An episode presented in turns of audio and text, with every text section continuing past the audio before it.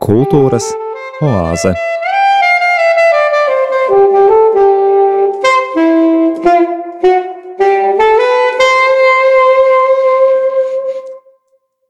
Esiet sveicināti, cienījamie radio Marija Latvija klausītāji! Ēterā ierastais laiks raidījumam Kultūras oāze, un ar jums sasveicinos es, raidījuma veidotājs un vadītājs Normons Zariņš. 2022. gads teju aizritējis, arī šogad pasauli apēnojusi Covid-19 pandēmija un tās raisītās izmaiņas.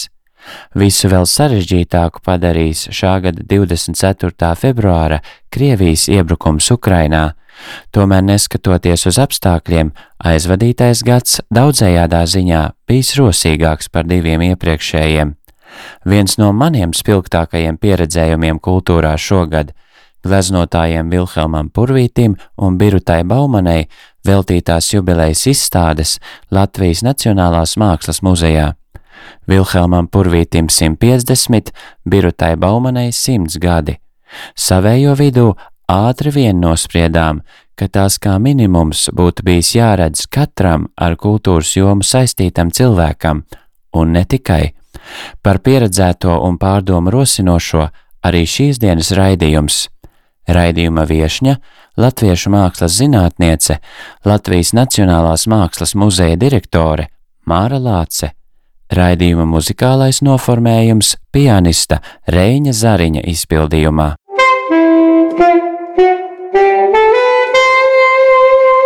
Kultūras oāze ar Normūnu Zariņu.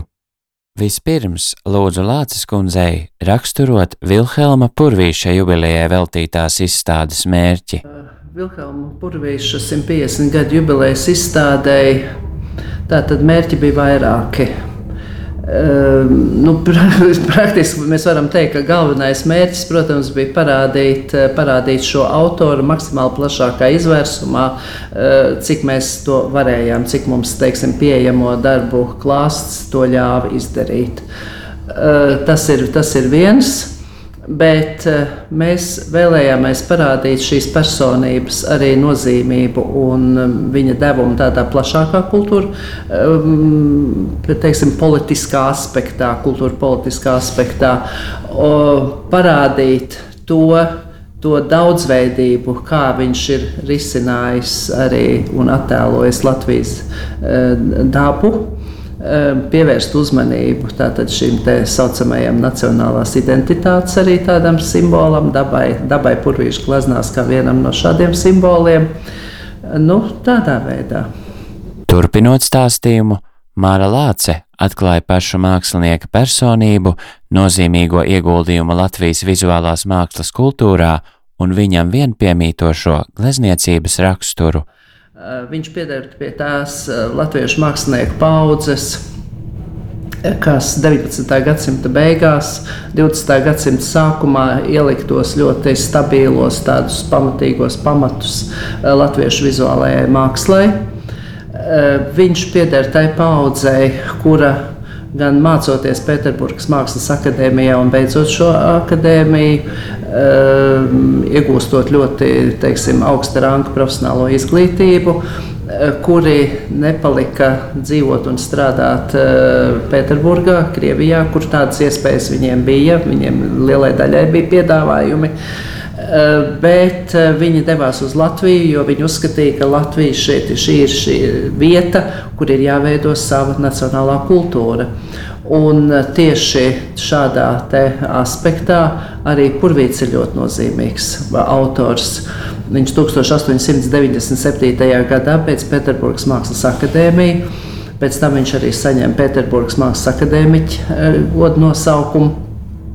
Tā, bet viņš dodas šeit, uh, uz Latviju, jo viņam ir sapnis kā mēs sakām, ir māksliniekam ir sapnis par to, ka Latvijā ir jāveido savu mākslas akadēmiju. Tā tad augstākā mācība iestāde, kur var nu, teiksim, tos stabilos profesionālos pamatus iegūt mākslā. Un e, viņš to arī, viņš to arī izdara. 19. gadā Mākslas akadēmija arī tiek 1919. gadā tiek arī izveidota. Vilhelms Purvīts ir pirmais akadēmijas rektors un pirmā dabas skatu meistardarbnīcas vadītājs un vispār ļoti ieņem ļoti lielu nozīmi mākslas dzīves organizācijās šeit, šeit Latvijā, jau neatkarīgās Latvijas laikā pēc 18. gada. Tā tad, un, un purvīts, bet purvīts izceļās šo pārējo autoru starpā, un tie viņa laikabiedri ir Jans Rozentāls, Johans Valters, Rihards Zariņš e, un, un citi autori. Bet nu, tieši šie Rozentāls, Valters un Purvīts ir tā trijotne, uz, kuras, e, uz kuriem mēs varam teikt, balstās šī Latvijas, Latvijas profesionālās mākslas nu, tie stabilie pamati, ja tā varētu teikt. Uh, viņš, viņš ir vienīgais īstais tāds ainavists, kurš ir um, nu, pilnībā pievērsies dabas attēlošanai. Uh, ainavas ir gleznojuši gan Walters, gan Rozentāls arī, bet tās ir bijušas nu, tādas, uh, nu, kā saka, tāds epizodiska darbība. Bet, nu, Purvītis visu savu radošo darbību ir virzījis tieši uz dabas attēlošanu izpra, izpēti, dabas izpratni un, uh, un uh, vei, saliekot dažādus dabā noskatītus elementus, viņš veido tā saucamo ideālo Latvijas ainavu, kas mūsu tālāk jau mūsu izjūtās un mūsu izpratnē jau asociējas ar Latviju. Mēs praktiski Latvijas dabu redzam ar purvīša acīm.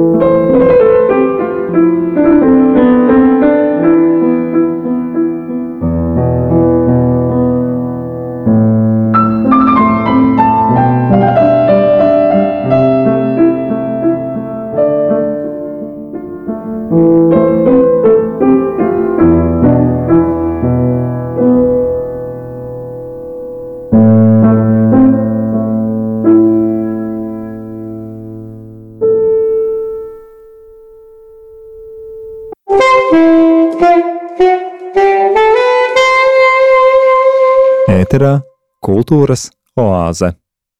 Patiesi, liela ir misija, ko latviešu ainavists veic savas tautas labā. Tomēr otrais pasaules karš traģiski izposta viņa radošo mantojumu.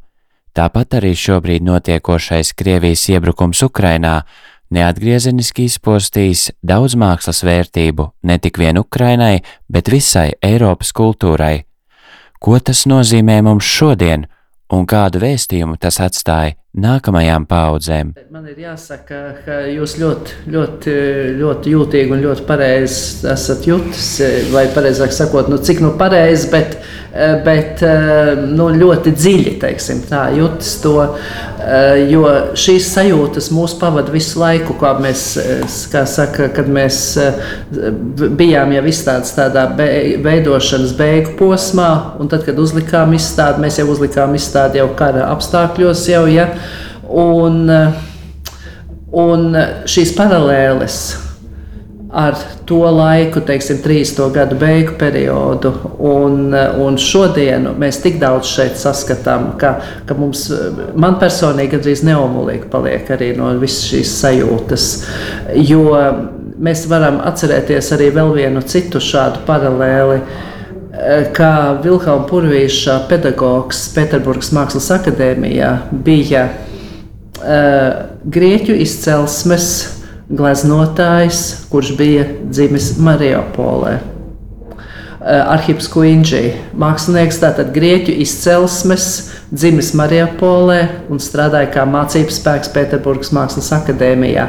Studentu ārkārtīgi audzēkņu mīlēts, ļoti cienīts, ļoti augstu vērtēts uh, profesors. Eh, kurš, eh, kuram nenoliedzami bija ietekme uz purvīša daļradas attīstību. Un, eh, mēs zinām, kas šobrīd ir noticis ar, ar Kuģi muzeju Mariupolē. Ja, tas, ir, tas ir izpostīts, darbi nav gājuši bojā, bet muzejs pats ir izpostīts. Tātad Purvītis visu savu darbības laiku Viņš bija ļoti mērķiecīgs. Viņš ļoti mērķiecīgi prata savā dzīvē izvirzīt uzdevumus, viņš viņus, kā saka, formulēja, un viņš mērķiecīgi gāja uz uzdevumu visu atrisināšanu. Vienīgais, ko viņš nespēja, un, un, un vēl varētu teikt, ka viņš vienmēr bija ļoti tālredzīgs, teiksim, un viņš bija tāds stratēģis savā, savā, savā darbībā.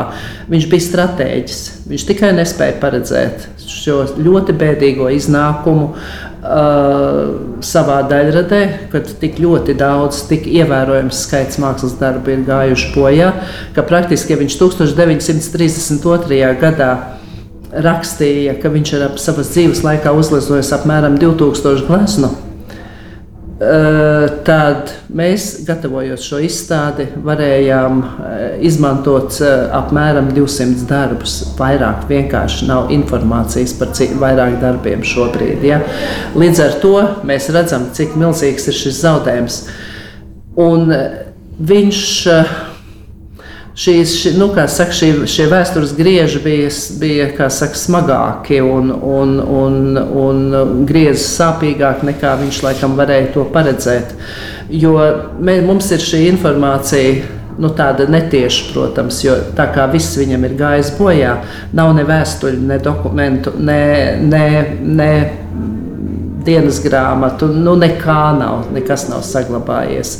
Fotomateriāls ir ļoti skops arī. Ja. Um, ka purvītis uh, ir tādas netiešas liecības, ka purvītis nemaz nav gribējis braukt projām, bēgļu gaitās doties. Bet, protams, aiz muguras bija 40. gads. Viņš, viņš ļoti labi zināja, kāds, kāds bija 19. gada sākums, kad viņš šeit Latvijā sāk strādāt šeit par Rīgas pilsētas mākslas muzeja direktoru, šī muzeja direktoru. Uh, viņš to laiku atcerējās, bet viņam bija 40. gada pieredze arī aiz muguras. Ļoti nepatīkami, kad viņš bija no Rīgā, no Mastai būvārī, no lielā dzīvokļa izlikts laukā. Jā, un, un, un, un viņš bija pieredzējis, visu, viņš bija tik izmests, tik atbrīvots no muzejā, no darba pienākumiem arī. Un, un tā. Uh, un viņu pierunāja, savā veidā pierunāja braukt projām um, Baltijas reģiona toreiz uh, Reichskomisārs Alfreds Rozenbergs. Alfreds Rozenbergs, uh, kas bija, nu, ja tā var teikt, viņa kaut kāds tāds ļaunai, ļaunā, ļaunā būtne, kas viņam kaut kādā veidā turēja rūpi par viņu, jo Alfreds Rozenbergs bija uh, Tallinā Tad, kad viņš bija Rēvelē, Tallinā par, no 1906. līdz 9. gadam strādāja par zīmēšanas skolotāju, tad Alfreds Rozenbergs, kā Baltijas vācietis, bet Igaunijas Baltijas vācietis, viņš bija skolnieks Purvītim. Un, un Rozenbergs te bija muzejā. 42. gadā, kad Purvīts atzīmēja 70 gadu jubileju, tad Rozenbergs arī apmeklēja šo, šo, šo izstādi.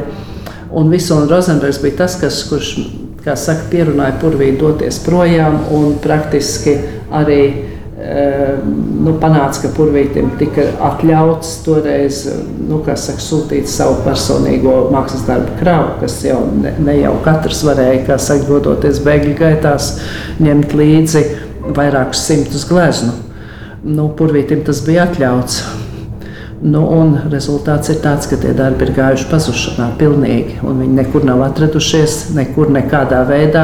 Mums tomēr ir visas, ehm, nu, saka, visas indikācijas eh, teikt, ka tie darbi visticamāk ir, ir gājuši bojā.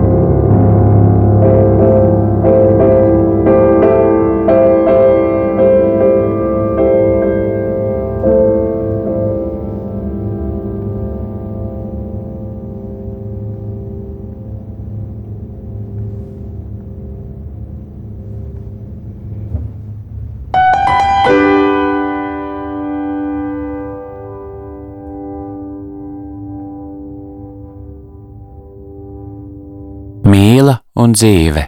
Ar šādu nosaukumu vienlaikus ar purvīti muzejā bija apskatāma arī gleznotājas Birutas Baumanas mākslas darbu izstāde, atzīmējot mākslinieces simtgadi.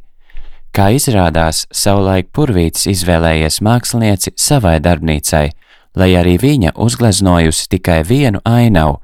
Ainava Birutu Baumani neinteresē, pie purvīša viņu nevelk, Bauman iet pie mākslinieka Valdemāra Tonis un glezno aktus, jo netaisās studēt dabu. Simtgadē veltītajā izstādē skatāmi dažādu laiku darbi, kas aptver visu viņai nozīmīgāko tematiku. 70 radošā mūža gados uzgleznoti vairāk kā 3000 mākslas darbu. Aplūkojot izstādi, saprotu, ka mākslinieces dzīvē nozīmīga loma ir cirkam Jautāju, kāpēc? Pirmkārt, viņa, es saprotu, ka viņai tā interese bija un ka tāda, teiksim, vingrošana un kaut kāda akrobātika, tā viņa pat ar to principā, un balets vēl arī. Ja? Viņa, viņai tā bija, tas bija viņas interesu lokā. Ja? Un, un tad, kad viņa vairāk ar šo pasauli iepazinās, nu, viņa tur devās uz gleznot, un, un, un, un tā, viņai modeļi bija. Tad, kad viņa vairāk ar šo pasauli iepazinās, tad viņa uh, sāka uz to skatīties drusku arī ar citām acīm. Un tad bieži viņai klauni nāk ļoti daudz uh, darbos. Uh, nu, un klauns tā ir tā jautrā puse, un klauns ir tā bēdīgā puse, arī tā, tā skumjā puse.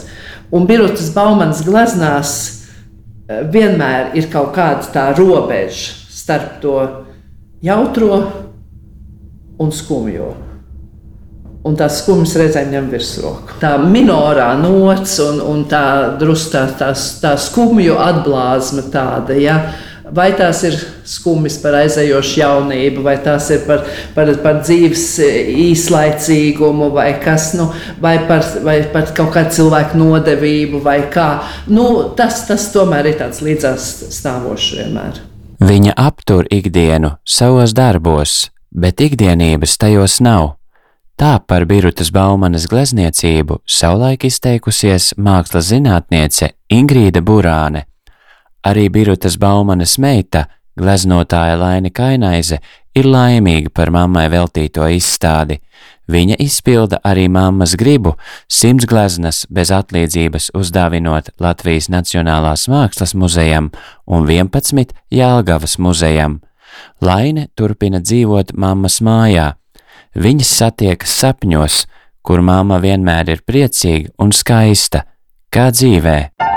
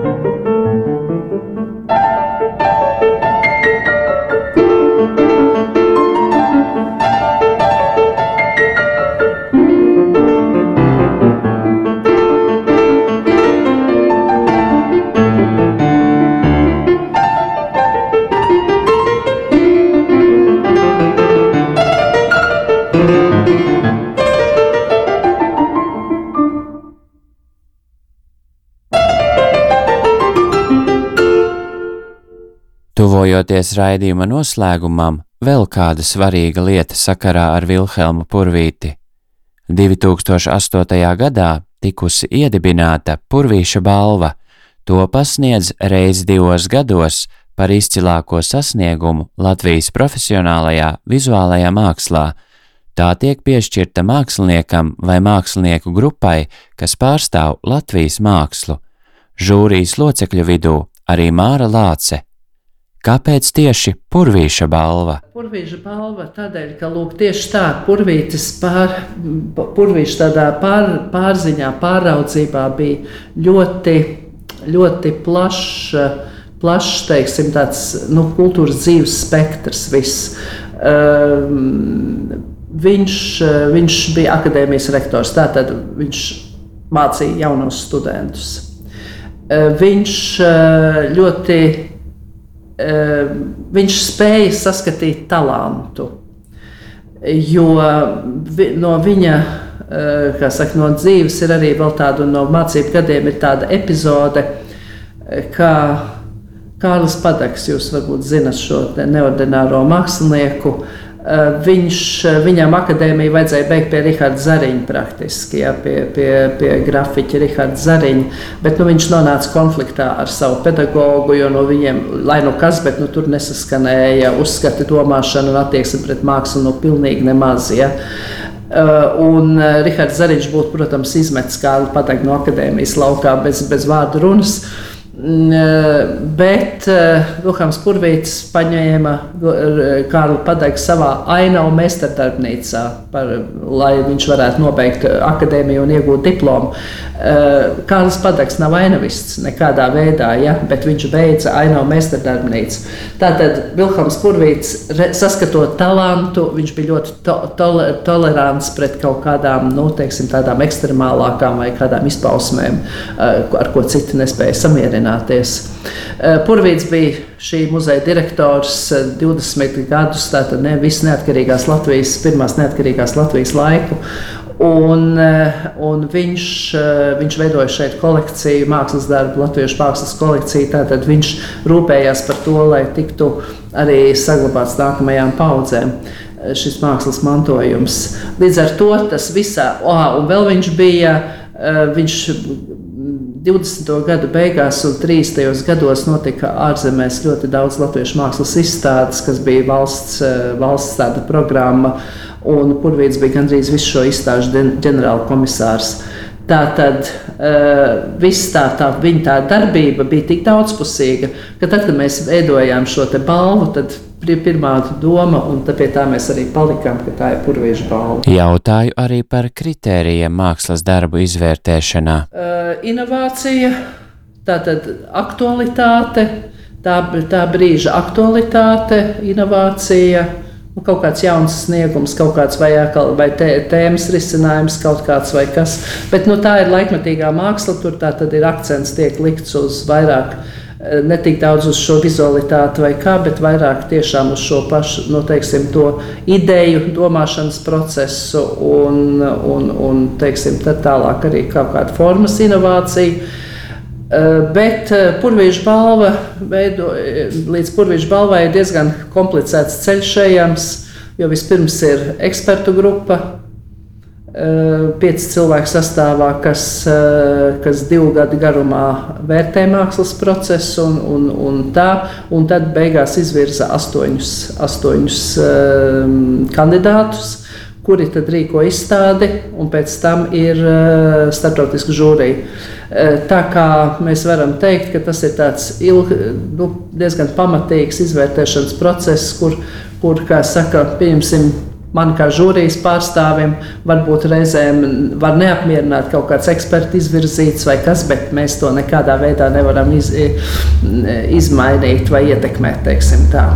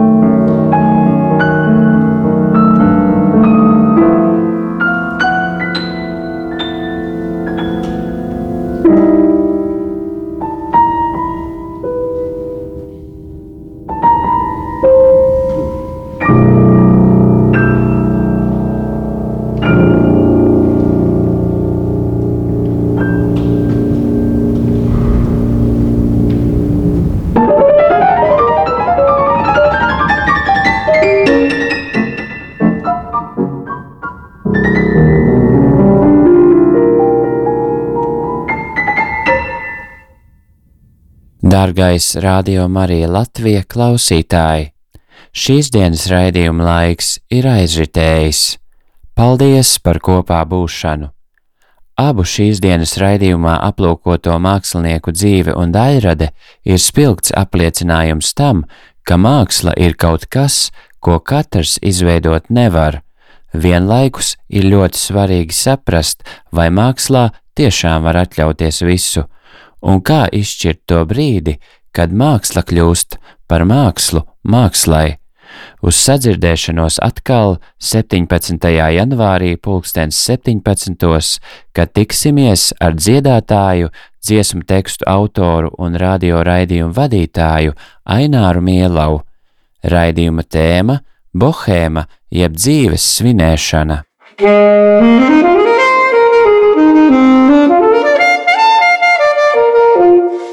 Izskanēja raidījums Kultūras oāze.